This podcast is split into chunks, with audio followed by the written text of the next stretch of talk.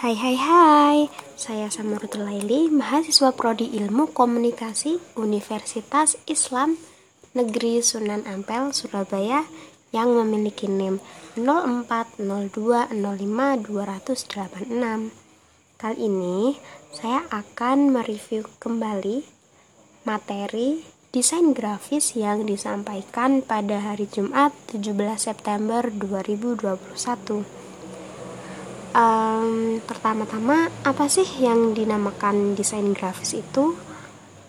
Oke, di sini dijelaskan Muhammad Suyanto dalam buku aplikasi desain grafis untuk periklanan mendefinisikan desain grafis sebagai aplikasi dari keterampilan seni dan komunikasi untuk kebutuhan bisnis dan industri.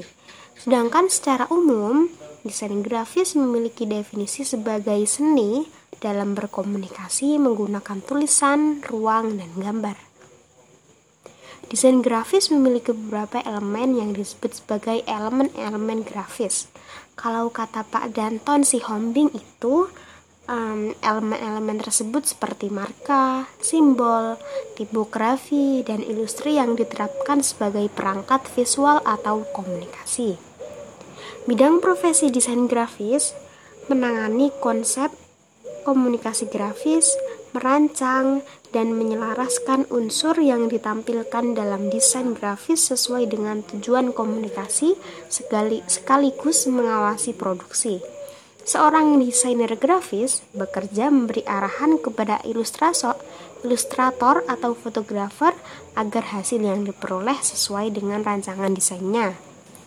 Desain grafis memiliki beberapa kategori, yaitu printing atau percetakan, web design atau desain interaktif, film, termasuk TV komersial, animasi dan multimedia interaktif, serta corporate industry, corporate identity. Desain grafis memiliki peran pada media, yaitu sebagai keperluan informasi dan komunikasi dari pelontar pesan.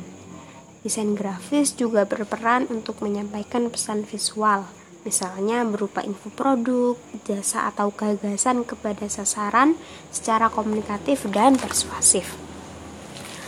Hal-hal yang harus diperhatikan dalam desain grafis adalah komunikatif, kreatif, sederhana, kesatuan, penggambaran objek harus bisa mempresentasikan gambar, pemilihan acara ya, pemilihan warna yang sesuai, tipografi, tata letak atau layout, unsur visual yang bergerak, serta navigasi.